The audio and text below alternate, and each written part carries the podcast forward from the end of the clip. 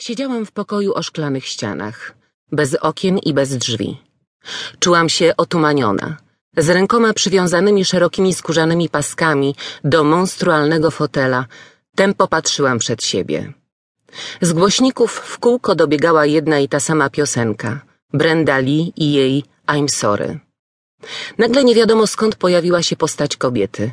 Ubrana w zwiewne białe szaty, unosiła się niczym zjawa. Zbliżyła się do przezroczystej tafli i zamaszystym ruchem ręki zbiła ją. Deszcz szkła spadł na nią, raniąc ją dotkliwie i powodując, że zaczęła broczyć krwią. Białe szaty, czerwone smugi, posągowa postać. To był mój sen. Sen, który przez jakiś czas budził mnie skoro świt.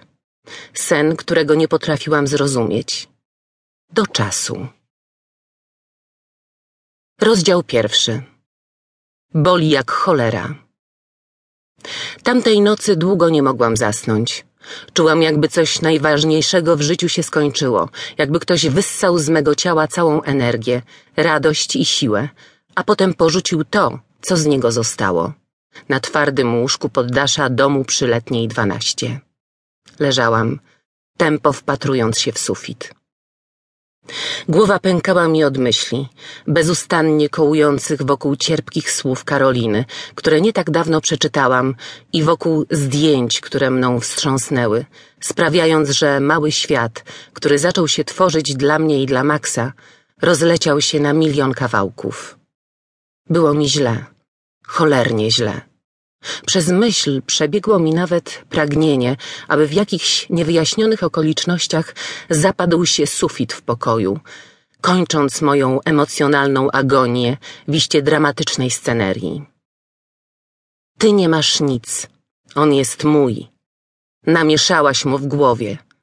Recytowałam w myślach, czując jednocześnie dojmujący ból, panoszący się w każdej najmniejszej cząsteczce mego ciała.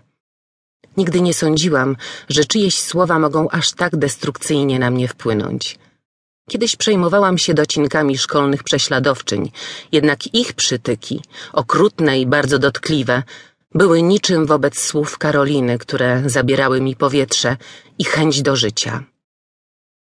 Same słowa zapewne nie podziałałyby na mnie aż tak mocno, bo przecież zdawałam sobie sprawę z faktu, że Karolina była zaborcza, że nie chciała dopuścić do tego, aby Max na poważnie związał się ze mną, bo była opętańczo w nim zakochana. Chcąc ratować swą miłość, postawiła wszystko na jedną kartę i znalazła coś, co mogłoby skutecznie mnie zniechęcić. Zdjęcia dowodzące prawdziwości stwierdzenia jesteśmy zaręczeni i spodziewamy się dziecka. Zapewne przeczuwała, że to na mnie zadziała, że to spowoduje, iż uczucie, które dopiero co we mnie zakwitło, przygaśnie. Byłam przekonana, że wkładając do kremowej koperty zdjęcie ultrasonograficzne swojego dziecka, czuła ogromną satysfakcję.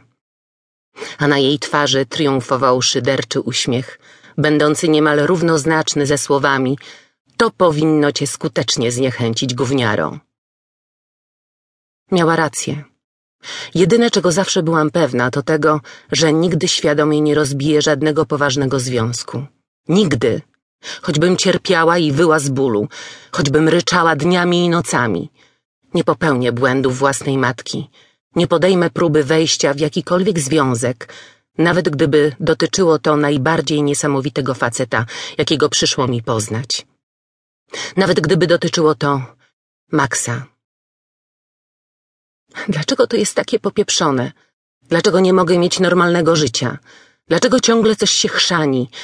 Jeszcze przed chwilą byłam bezgranicznie szczęśliwa.